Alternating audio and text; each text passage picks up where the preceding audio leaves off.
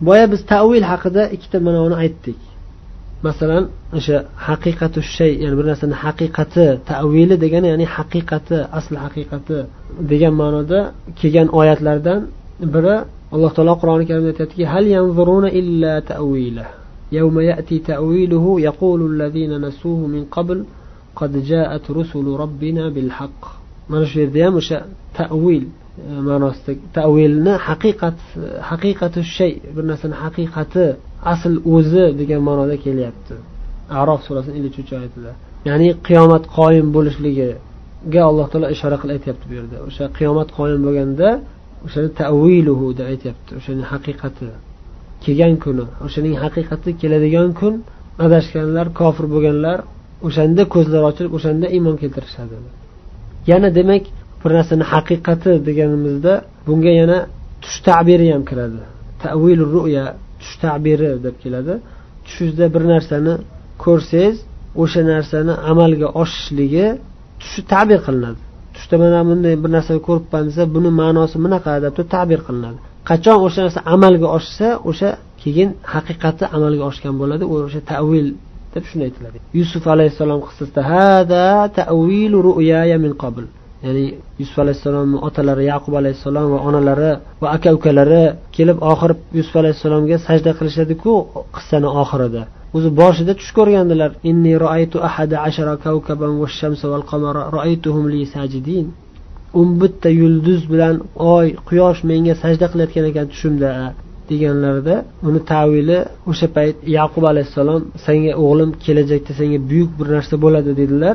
Keyin oxiri o'sha amalga oshganda quyosh bilan oy ota onalari bo'lib o'n bitta yulduz aka ukalariga ishora bo'lgan bo'ladi. Ya'ni misrda eng katta mas'ullardan bo'lib saylanganlarida oxiri ota onalari aka ukalari kelishib ruku qilishadi. Ularni dinida bunga ruxsat bo'lgan. Hurmat bobidan shunday qilishga ruxsat bo'lgan. Xullas mana shu oyatda hada tavil ru'yaya deyapti min qabl. Mana tushumi tabiri mana bu haqiqati mana ayon bo'ldi mana haqiqati amalga oshdi degan ma'noda. Qur'onda alloh hizr alayhissalom qissasida ham shunga o'xshagan ma'noda keladi haqiqati degan ma'noda. Ikkinchi ma'nodagisi o'sha biz boya aytgan oli imron surasidagi oyat. Buning tavilini ya'ni tafsirini olloh va ilmda mustahkam bo'lgan ulamolar biladilar degan. Mana shu ikkinchi ma'nosi desak bo'ladi. Mana shu ikkita ma'no to'g'ri ma'no. Birinchisi tavilu shay ya'ni haqiqatu shay. Bu narsa tavili ya'ni o'shaning haqiqati asli o'zi o'shani amalga oshishligi. Ikkinchi ma'nosi tafsiri. Bir oyatni misol uchun tafsir qilishadi ulamolar tavili deb tafsiri. Ma'nosini sharhlash ya'ni endi ahli bidatlar iste'mol qiladigan ma'noga kelamiz. Imom tahoviy rad qilgan tarki tavil deganlari tavilini tark qilish kerak deganlari imom tahoviy mana shu ahli bidatlar iste'mol qiladigan ma'noni tark qilishga buyuryaptilar. Ya'ni o'shanday qilmanglar. U ham bo'lsa zohiriy ko'rinib turgan ma'nosini olmasdan boshqa ma'no topish unga va o'sha boshqa ma'noni topib o'shanga ba'zi bir hujjatlarni qidirib topib kelish. Ahli bidatlar shunday qilishadi. Ya'ni masalan alloh taoloni qo'li bor deb alloh o'zi qo'li borligini xabar bergan. Bu zohiriy ma'nosi qo'l bor deyishlik. Alloh taoloni qo'li bor deyishlik zohiriy ma'nosi. Endi shuni ahli bidatlar aytishdan taqvo qilishadi. Chiroyliroq aytsak o'shanda taqvo qilishadi. Alloh taoloni qo'li bor desak insonga o'xshatib qo'ygan bo'lamiz deb. Ha ho'p nima demoqchisizlar desa alloh taoloni qo'li bor degani qudrati bor degani. Boshqa bir ma'no. Ha nima dalilinglar bor bunga desa dalil qidirishadi keyin. O'zi aslida asl sabab bu musibatlariga asl sabab o'zlarini aqllarini aralashtirishliklari boshlangan. O'zi boshida shundan boshlangan. Agar aql o'zlarini aqllarini aralashtirishmaganda xayollarini aralashtirishmaganda aqllarini desak ham uncha to'g'ri bo'lmaydi. O'zi ular aqliy dalillar keltirishgani bilan ularni aqliy dalillariga ahli sunna va jamoa ulamolarining katta kattalari aqliy dalillari bilan ularni aqliy dalilini botilga chiqarishgan. Ya'ni ular ham inson biz ham inson ularda ham aql bo'lsa bizda ham aql bor va hech qachon qur'oni sunnat aqlga teskari emas. O'tgan darsimizda aytganimizdek aql hayron qoladigan narsalar bor lekin aqlga butunlay teskari keladigan narsa yo'q aslo. Ular keltirgan aqliy dalillarni biz shubha deb aytamiz. Dalil emas u narsalar. Ahli sunna va jamoa ulamolar o'sha aqliy dalillariga ham rad berib u noto'g'riligini aql bilan ham isbotlab berishgan xullas kalom nima bo'lganda ham asl sabab shu aqllarini hukmron qilishlikdan kelib chiqqan qur'on ustidan. Keyin ular aytisholmaydi qur'onni ochiqdan ochiq rad qilib e biz aqlimiz shunga dalolat qilyapti deb. Qandaydir oyatdanmi hadisdanmi qandaydir arab tilidanmi dalil topish kerak ular ham o'zini gapini isbotlash uchun. Shunda qidirishadi. U yoqdan bu yoqdan arablarni so'zidan qidirib kelib turib topishdi bitta dalil. Nima ekan u dalil desangiz arab tilida shunaqa uslub bor. Mana shu narsani man qo'lim bilan bajardim desa ya'ni kuch quvvatim bilan bajardim degan ma'noda ishlatiladi arab tilida. Shunaqa iste'mol qilish bor deyishadi. Falonchi arablar bunaqa degan pistonchilar bunaqa degan shunaqa ma'nolarda kelgan. Va hatto qur'onda ham bitta oyatda alloh taolo lima amilatu aydina bizni qo'limiz yasagan narsalarni deb kelgan oyatda ham dalil qilishadi. Mana qo'llarimiz bilan yasagan narsamiz ya'ni qudratimiz bilan qilgan ishi deb aytyapti alloh taolo. Deb shuni ham dalil qilishgan shunga ahli sunna val jamoa ulamolari bunga ham rad berishgan va arab tilini ulardan ko'ra yaxshiroq bilishgan. Arab tilida qachon qaysi ma'noda ishlatiladi bu kalimalar buni yaxshi tushunishgan yaxshi bilishgan. O'shaning uchun ularni butunlay ovozlarini o'chirib qo'yadigan darajada raddiyalar berib javob berishgan. Shulardan ba'zilarini aytib o'taman. Sizlar davo qilgan o'sha arab tilini uslublaridan birontasi qo'lim bilan deganda qudratim bilan degan ma'noda aytmoqchi bo'lsa hech qachon biron joyda ikkita qo'lim bilan deb aytmagan. Va aytmaydi ham unda ma'no botil ham bo'lib chiqadi. Ya'ni odam alayhissalomni alloh taolo ikki qo'lim bilan yaratdim deganda sizlar aytgan ma'noda tafsir qiladigan bo'lsak ikkita qudratim bilan yaratdim degan bo'ladi. Nima alloh taoloni bitta qudrati qudrati kerakmi? Yoki faqatgina alloh taoloni ikkita qudrati bormi? degan yana botil ma'nolar paydo bo'ladi. Arab tili juda ham buyuk til. Unaqa ma'nolarni kelishiga olib bormaydigan uslub bilan gapiriladi. Arab tili balog'atni yaxshi bilgan arab tili uslublarini yaxshi bilgan odamlar hech qachon bunaqa uslubda gapirmaydi. Xullas kalom bu masala ham lug'aviy jihatdan chuqur masala. Biza yengilroq o'tamiz deb kelishib olganmiz. Demak tavil degan ma'noni sharhlashda ketayotgandik shu haqida suhbatlashayotgandik. Ahli bidatlarning davosi biz tavil qilamiz deyishadi. O'zi aslida bu tavil emas. Ahli sunna va jamoa ulamolar aytishgandek ahli bidatlar davo qilayotgan tavil tavil emas. U tahrif deyiladi. Biz tavil qilamiz istavo degani istavla deydi masalan misol uchun. Deb tavil qilamiz deyishadi. Zohiriy ma'nosidan boshqa maxfiyroq ma'nosi bor o'sha maxfiyroq ma'nosiga tavil qilamiz buramiz degan biz aytamizki bu tavil emas bu tahrif buzish bu burish emas bu. Ma'nosini burish bo'lsa ham yengilroq bo'lardi. Ma'nosini buzish bu. Unaqa ma'noda kelmagan arab tilida umuman iste'mol qilinmagan ma'nolarga burib yuborilyapti buzib tashlayapti. Ahli bidatlar ko'proq mana shu tavil degan davo bilan allohni sifatlarini tahrif qilib tashlashgan buzib tashlashgan. Qisqa qilib aytganda mana shu boyagi keltirgan misolimiz yoki alloh taoloni arshga ko'tarilishligi istivo qilishligi yoki allohning ko'zi ko'rishligi va hokazo har bir sifatni olib kelsangiz ahli bidatlar o'sha sifatni inkor qilishadi. Allohni sifatlarini xususan fe'liy sifatlarini olib kelsangiz inkor qilishadi. Alloh taoloni gapirishligini misol uchun bu gapirishlik ham fe'liy ham zotiy sifat. Gapirishlik sifati azaldan bo'lgan bu zotiylik zotiy sifat deyiladi. Ammo xohlagan vaqtda xohlagan so'zini gapirishligi bu fe'l. Xohlagan vaqtda xohlagan so'zini gapiradi alloh taolo. Ana shunday sifatlarni hammasini bular inkor qilishadi. Va inkor qilib turib keyin boshqa ma'no qidirishadi. Boshqa ma'no qidirib turib keyin o'zlaricha dalil qidirishga harakat qilishadi va hatto nasroniy arablarni she'rlaridan dalil olib kelishadi. Vaholanki o'zlari ohod hadisni ham qabul qilmaymiz deyishadi aqida masalalarida ahli bidatlar. Ya'ni ohod hadis sahih hadis bo'lsa ham bitta ikkita sahobiydan rivoyat qilingan bo'lsa qabul qilmaymiz deb turib nimaga desa bitta bitta odam rivoyat qilgandan keyin baribir adashib qolishi mumkin degan davo bilan sahih san'at bilan sobit bo'lgan hadisni rad qilib turib allaqaydagi nasroniy xristian odam gapirgan she'rni hujjat qilishadi. Bu qanaqa o'ziga butunlay teskari bo'lgan iymonga umuman to'g'ri kelmaydigan qiliq. Yana takror aytaman bu bu narsalarni bunaqa bid'atlarni va bunaqa bir chalkashishlarni o'ziga o'zi butunlay teskari ishlarni qilishlarini asl sababi boyagi aytganimizdek aqlli o'zlarini noqis aqllarini qur'on va hadisdan ustun qo'yishganligi alloh taolo poklashda o'zlaricha hukm chiqarishliklari. Qur'oni hadis bilan cheklanmasdan. Qur'oni hadis hech qachon botil ma'noga ishora qilmaydi. Hech qachon qur'on hadisdan botil ma'nolar chiqmaydi.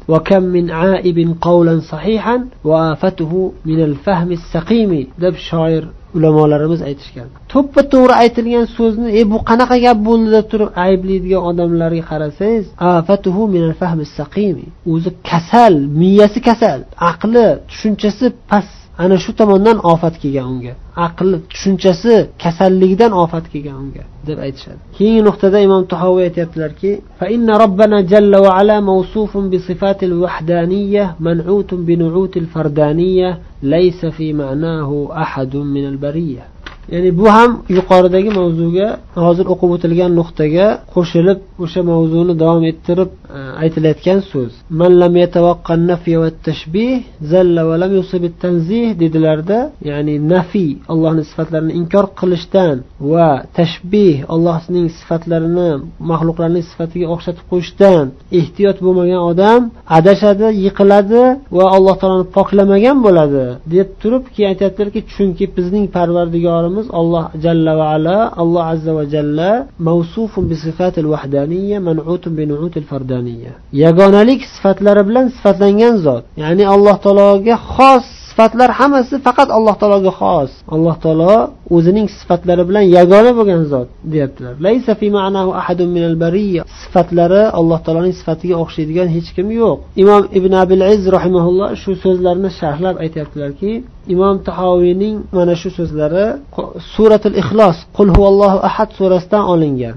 O'shani tafsiri desa ham bo'ladi. Mavsufun bi sifatil vahdaniya vahdaniya vahid degandan ya'ni yagona bir birlik sifatlari yagonalik sifatlari bilan sifatlangan deganlari qul huvallohu ahad ey rasululloh aytingki huvallohu ahad u zot alloh taolo ahad yagona bo'lgan zot. Mana shu so'zlaridan ahad alloh taolo o'zini o'zi ahad deb turganidan yagona zot degandan olib aytyaptilarki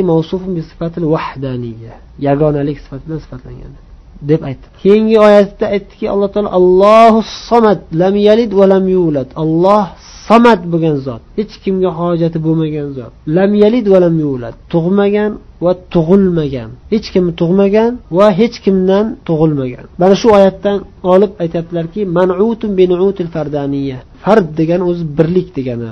Birlik sifatlari bilan sifatlangan. Hech kimni allohni sifatlangan sifatlar bilan sifatlanmaydi. Va alloh taolo yagona bitta o'zi bo'lgan zot. Va shuningdek sifatlari ham faqat o'ziga xos bo'lgan zot. Laysa fi ma'nahu ahadun bariyya degan so'zlari lam yakullahu kufuan ahad degan oyatdan olingan. U zotga o'xshash hech kim yo'q degani ya'ni kullahu yakullahu ahad. Alloh taologa o'xshash hech kim yo'q. Alloh taologa barobar keladigan alloh taoloni sifatlariga o'xshash sifatlarga ega bo'lgan hech kim yo'q. Keyin bu yerda aytyaptilar imom tahoviyni sharhlagan e, ibn abil iz aytyaptilarki bu so'zlari bir biriga o'xshash iboralar bilan takrorlanib ta'kidlanyapti. O'zi bir biriga ma'nosi yaqin bo'lgan so'zlar hammasi mavsufun bi vahdaniya man'utun bi fardaniya laysa fi ma'nahu ahadun min al bariyya bu so'zlar bir biriga yaqin ma'noli so'zlar. Maqsadlari qayta qayta ta'kidlash alloh taoloni sifatlari o'ziga xos hech kimga o'xshamaydi. Va hokazo mana shu so'zlarni qayta qayta ta'kidlab ahli bidatlarga rad berib o'tyaptilar. Laysa fi ma'nahu ahadun min al degan iboralardan ko'ra laysa kamislihi shay desalar chiroyliroq chiqardi afzalroq mukammalroq bo'lardi deb kichkina mulohaza ham bildirib ketyaptilar alloh taologa o'xshash hech narsa yo'q deb alloh taolo o'zi qur'onda aytib qo'ygan keyingi nuqtada imom tahoviy rahimaulloh aytdilarki وتعالى عن الحدود والغايات والأركان والأعضاء والأدوات لا تحويه الجهات الست كسائر المبتدعات alloh taolo chegaralardan hudud chegaralardan oliy bo'lgan zot pok bo'lgan zot val g'oyat ma'lum bir joyga yetib ma'lum bir g'oyaga yetib to'xtab tugaydigan bu ham chegara degan ma'noda. O'sha g'oyalardan ma'lum bir chegaralardan g'oya degan nima degani maqsad degan ma'noda ishlatiladi va bir narsaga bir oxir oqibat degan ma'noda ya'ni bir narsaning chegarasi tugashi nihoyasi degan ma'noda iste'mol qilinadi. Mana shunaqa narsalardan pok deyaptilar. Ma'lum bir joyga borib tugaydigan narsalardan pok zot. Val arkan val a'zo val adavat degan gaplari ham bir birisiga yaqin ma'nodagi so'zlar. Alloh taolo asbob uskunalardan o'ziga a'zolaridan pok bo'lgan zot oliy bo'lgan zot.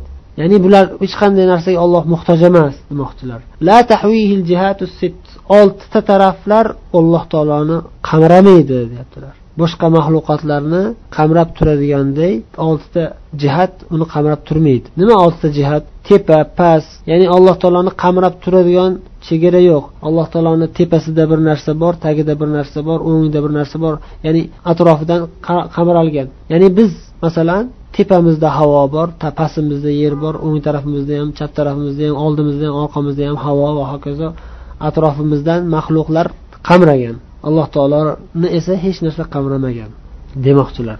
Lekin mana shu iboralarni iste'mol qilganliklariga ibn abil iz rahimaulloh ham boshqa ulamolar ham mulohaza bildirishgan.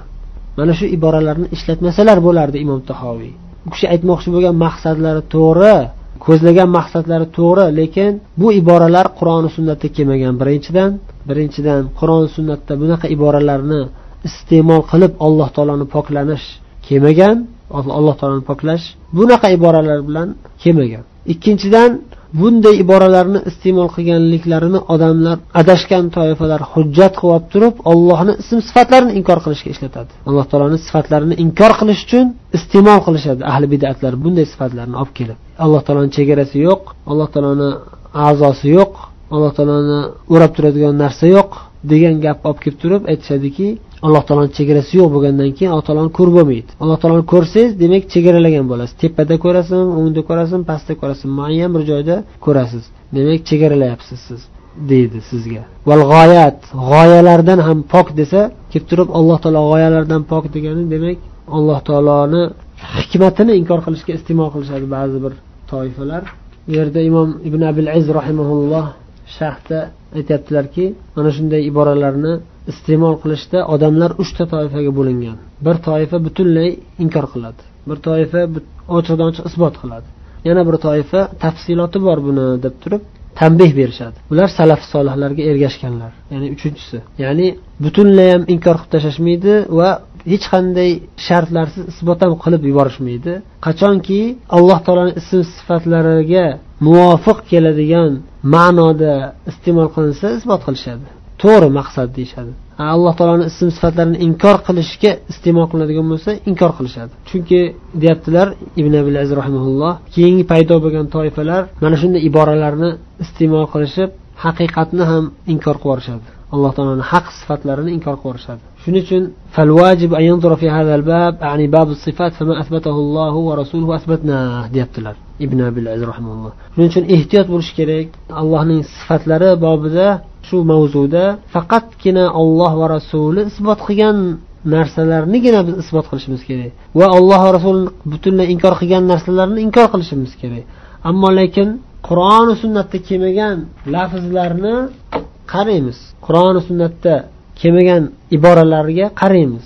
Nima demoqchi? Bu e, iboralarni iste'mol qilayotgan odam nima demoqchi? Agar sahih ma'noda allohni sifatlariga to'g'ri keladigan ma'noda iste'mol qilmoqchi bo'lsa aytamizki bu ma'nosi to'g'ri. Ma'no maqsadi to'g'ri to'g'ri yaxshi ma'noda iste'mol qilyapti. Lekin bu ta'birdan ko'ra qur'oni sunnatda kelgan iboralarni ishlatish kerak deymiz. Botil ma'noga burvorsa ham bo'laveradigan botil ma'noga ham burvorilish ehtimoli bo'lgan iboralardan uzoq bo'lish kerak deymiz.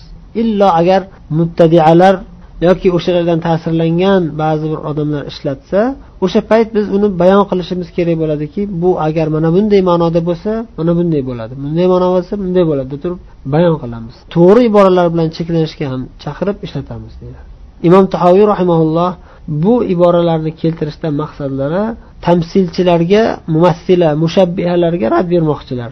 Karromiyalarga o'xshagan. Bu yerda imom ibn abil iz rahimalloh aytgan davud javobiriy degan kimsa va shunga o'xshagan kimsalarga rad bermoqchilar. Imom tahoviy o'sha mushabbihalar alloh taoloni sifatlarini bandalarning sifatiga o'xshatadigan kimsalar. Alloh taolo ham bizga o'xshagan jismi bor a'zosi bor deb aytadigan kimsalar. Alloh taolo bunday kimsalar davo qilayotgan narsalardan juda ham oliy bo'lgan zot pok bo'lgan zot.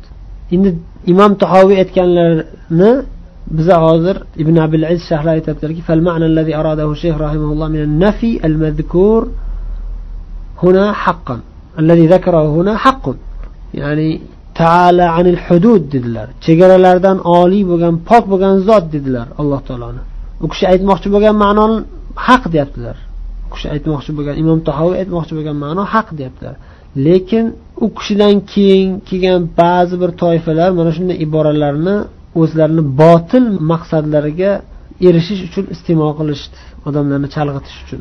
Vaholanki imom tahoviy to'g'ri ma'noda iste'mol qiluvdilar qaysi ma'no u? Imom tahoviy ko'zlagan ma'no salafi solihlarimiz payg'ambarimiz va sahobiy ikromlar hammalari muttafiqun ala annal al-bashar la ya'lamun lillahi haddan. Insoniyat odamlar alloh taoloni chegarasini bilmaydilar. Alloh taoloni hech qanday bir chegara bilan cheklolmaydilar. alloh taoloni sifatlaridan birontasini ham cheklab berolmaydilar imom abu davud tayolisiy aqida masalasida shu masalani gapirib aytadilarki salaf solihlar qanday bo'lganligini. Kana sufyan va shuba va hammad ibn zayd va hammad ibn salam va sharikun va abu uvanata la yahudduna va la yushabbihuna va la yumathilun yarvuna al hadis va la yaqulun kayf. Ya'ni buyuk tobeinlar mana bular sufyon imom sufyon savriy shubat ibn hajjoj hammad ibn zayd hammad ibn salama sharik abu uvona bular buyuk tobiiy buyuk alloma zotlar shularni aytib bular la yahuddun va la yushabbihun alloh taoloni chegarasini gapirishmasdi unaqa chegaralamasdilar va alloh taoloni hech narsaga o'xshatishmasdi va alloh taoloni hech narsaga tamsil qilishmasdi hadis rivoyat qilishardi faqat vala yaqulul kayf qanaqa bu deb turib gapirishmasdi. Agar ularga savol berilsa asar ya'ni qur'oni hadis bilan javob berishardi. Hali yana imom tahoviy rahimaulloh keyingi nuqtalardan birida aytadilar deganlar. Imom tahoviy o'zlari ham. Alloh taolo o'zining maxluqotlarini ollohni ihota qilishdan ojiz qoldirdi. Hech qaysi bir maxluq hech qaysi bir banda ollohni ihota qilolmaydi chegaralolmaydi ya'ni. Demak nima demoqchilar imom tahoiy bu yerda ham? Va taala anil hudud chegaralardan olloh pok bo'lgan zot deyishlaridan maqsadlar nima? Mana shu so'zlardan ayon bo'ladi. Ya'ni alloh taoloni bandalar hech qachon bir chegara bilan cheklab aytolmaydilar. Lekin agar chegara degandan maqsad allohni chegarasi yo'q deydiganlar ikki qismda ba'zi birlar mana ahli sunna jamoa ulamolari ya'ni alloh taoloni biz bandalar ma'lum bir chegara bilan cheklolmaymiz degan ma'noda ishlatamiz lekin ba'zi bidatchilar allohni sifatini inkor qilish uchun jumladan alloh taoloni makonini inkor qilish uchun va alloh taolo arsh ustiga ko'tarilganligini inkor qilish uchun alloh taolo maxluqotlardan ayri bo'lib turganligini inkor qilish uchun iste'mol qilishadi. Mana shu iboralarni misol uchun biron bir toifa adashgan toifadan birontasi kelib aytsaki mana imom tahoviy aytyaptilarku alloh taolo chegaralardan pok bo'lgan zot deb. Ha demak chegarasi yo'q degandan keyin alloh taoloni muayyan bir joy bilan sifatlamaslik kerak degani deb davo qilishi mumkin. O'zini maxluqotlardan ayri bo'lib turgan alloh taolo misolcha suila abdulloh muborak buyuk tobeinlardan abdulloh muborak so'raldilar. Buyuk imomlar ulamolardan taba tobiinlardan. Robbana parvardigorimizni nima qanday qilib taniymiz deb savol berdi bu kishi. U kishi aytdilarki arsh. Arsh ustida ekanligi bilan bilamiz. Min maxluqotlaridan alloh taolo ayri ajrab turgan maxluqotlar bilan aralashib ketgan emas degan so'zlar bilan javob berdilar. Shunda savol berganlar aytishdiki bihad ya'ni chegarasi bormi? Shunda bihad nam chegarasi bor. Chegarasi shu ya'ni maxluqotlardan ayri ekanligi degan ma'noda javob berdilar. Ya'ni had degani ajratish degan ma'noda bo'lsa alloh taolo bandalari bilan aralashib ketgan emas. Alloh taolo ayri ajralib turgan zot. Shu ma'noda gapirilsa bu allohni oliy ekanligini isbotlash bo'ladi. Ya'ni alloh taolo arsh ustida tepada osmoni qavatlarni osmon falak tepasida maxluqotlarga aralashmagan aralashib ketmagan maxluqotlari bilan. Hululiyalar ittihodiyalar adashgan toifalar davo qilganday. Lekin hech kim kelib imom tahoviyni mana bu so'zlarini u ma'noda mana shu narsani inkor qilish uchun ishlatishiga haqqi yo'q imom tahoviy taala anil hudud chegaralardan pok bo'lgan zot degan so'zlaridan kelib turib demak alloh taoloni osmonni falaklardan tepada bandalarga aralashmagan ayri alohida degan ma'noni aytish mumkin emas. Mana tahoviy bunaqa deyaptilar deyishga haqqi yo'q. Chunki imom tahoviy o'zlarini so'zlarini o'zlari bayon qilib deb turib sharhladilar. Keyingi nuqtalardan birida. Ya'ni bandalar alloh taoloni ihota qilolmaydi. Chegarasi yo'q. Chegarasini biz bilmaymiz. Chegaralardan pok bo'lgan zot degani ya'ni bandalar hech qachon alloh taoloni muayyan bir chegara bilan cheklab qo'yolmaydilar degani. Keyin yana o'sha salaf solihlar inkor qilgan chegara ya'ni alloh taoloni bandalar bilim bilan ilm bilan va so'zlari bilan alloh taoloni sifatlab hamma atroflicha sifatlab qamrab olishliklari mustahil amri mahol bo'lgan narsa. Bu yo'q. Ahli sunna va jamoa e'tiqodi bo'yicha hech qachon insonlar alloh taoloni hamma tomonlama bilisha olmaydi. Mana bu yerda ibn abil iz rahimaulloh yana sahl ibn abdullah tustariy degan buyuk adashmasam tobiinlardan birlari shu kishi bilan bo'lgan savol javobni keltiryaptilar. Alloh taoloni zoti haqida so'raldilar. Shunda u kishi aytdi zatullohi mavsufatun bil ilm g'ayra mudrakatin bil ihata. ولا مرئية بالأبصار في دار الدنيا وهي موجودة بحقائق الإيمان من غير حد ولا إحاطة ولا حلول وتراه العيون في العقبى ظاهرا في ملكه وقدرته إلى آخر ما قال ya'ni alloh taolo ilm bilan sifatlangan alloh taoloni borligini alloh taolo o'zi qur'onda va rasuliga vahiy qilgan rasuli vahiyga binoan gapirgan hadislarida sifatlangan alloh taoloni ihota qilib qamrab olinmagan. Hech kim alloh taoloning zotini ihota qilib qamrab olmagan. Va bu dunyoda hech kim alloh taoloni ko'rib ko'zi bilan ko'rmagan deyaptilar. Va alloh taoloning borligi haqiqiy iymoni bor odamlar chin qalbidan iymon bilan iymon keltirgan alloh taoloni borligiga. Min g'ayri haddin vala ihota hech qanday bir chegarasiz va qamrab olishsiz va hululsiz. Ya'ni aralashmasdan ya'ni alloh taolo hech qaysi bir maxluqqa aralashmagan holda deb iymon keltirilgan. Va ko'zlarim ya'ni mo'minlarning ko'zlari jannatda ko'radi alloh taoloni. Alloh taolo o'zining mulki va qudratida zohir bo'ladi va o'zining maxluqlarini o'zining zotini haqiqatini bilishdan to'sib qo'ygan hech kim ko'rolmaydi deyaptilar yana. Va o'zini borligini bilish uchun mo'jizalarini yaratib qo'ygan. O'sha mo'jizalarni ko'rib alloh taoloni taniymiz bilamiz. Ko'zimiz bilan ko'rolmasak ham qalblarimiz bilan alloh taoloni yaxshi bilamiz deyapti. Mo'min odam jannatda ko'zi bilan ollohni ko'radi ihota qilmasdan va atroflicha qamramasdan degan iboralar bilan salaf solihlarimizdan birlari sharhlayaptilar. Yana xuddi shunga o'xshash arkan abo adovat degan so'zlar ham yuqorida aytilgan o'sha mujmal ba'zilar haqiqatni allohning sifatlarini isbot qilish uchun iste'mol qilsalar boshqa ba'zi adashgan toifalar kelib alloh taolo sifatlarini inkor qilishga ishlatadi allohning qo'lini allohning yuzini inkor qilishga hujjat qilib olgan toifalar bor. Mana arkon a'zo adovat yo'q deyaptiku deb. Demak bu so'zlarni ishlatmaslik kerak. Imom tahoviy rahimaulloh ahli bidatlarga rad berish maqsadida ishlatganlar. O'zi aslida bu qur'on hadisda kelmagan iboralar bular. Biz qur'on hadislar bilan cheklanishimiz kerak. A'zolardan pok bo'lgan zot degani ollohning qo'lini yuzini inkor qilishga dalolat qilmaydi bu yerda. Imom abu hanifa hatto fiqh akbar kitobida ham aytganlar lahu yadun va vajhun va nafsun. Allohni qo'li bor yuzi bor nafsi bor ya'ni zoti degan ma'noda. Bila kayf. Bu narsalar alloh taoloning sifati u kayfiyatsiz. Biz bilmaymiz kayfiyatini imom abu hanifa fiqh akbarda aytadilar allohning qo'li degani qudrati degani yoki ne'mati degani deb aytilmaydi. Chunki bu sifatni allohning qo'l sifatini inkor qilishga olib borib qo'yadi. Maqsad shunday bo'lib qoladi ya'ni qo'li degani qudrati degani desa ya'ni qo'li yo'q degani qo'lini isbot qilish o'rniga inkor qilgan bo'lib qoladi. Alloh asrasin shu fiqil akbarda shunday rivoyatlar kelgan imom abu hanifadan. Yana imom tahoviy aytdilarki la tahvihil sit boya aytganimizdek boshqa maxluqotlar ihota qilinganday alloh taolo ihota qilinmagan oltita taraf bilan. Tepa past alloh taoloning tepasi alloh taoloning pasti alloh taoloning o'ng qo'li u tarafi chap tarafidan narsalar qamrab olmagan degan ma'noda aytyaptilar. Ya'ni u kishi aytmoqchi bo'lgan imom tahoviy aytmoqchi bo'lgan so'zlari alloh taoloni hech qaysi bir maxluq ihota qilolmaydi alloh taolo o'zi hamma taraflama maxluqlarni ihota qilib turadi. O'zlari boshqa yana imom tahoviy mana shu tahoviy aqidasida aytadilar. Hali yana keladi. Annahu taala muhitun bi kulli shay'in va fawqa. Alloh taolo hamma narsani atroflicha qarab qamrab olgan zot va hamma narsani ustida tepasida bo'lgan zot dedilar.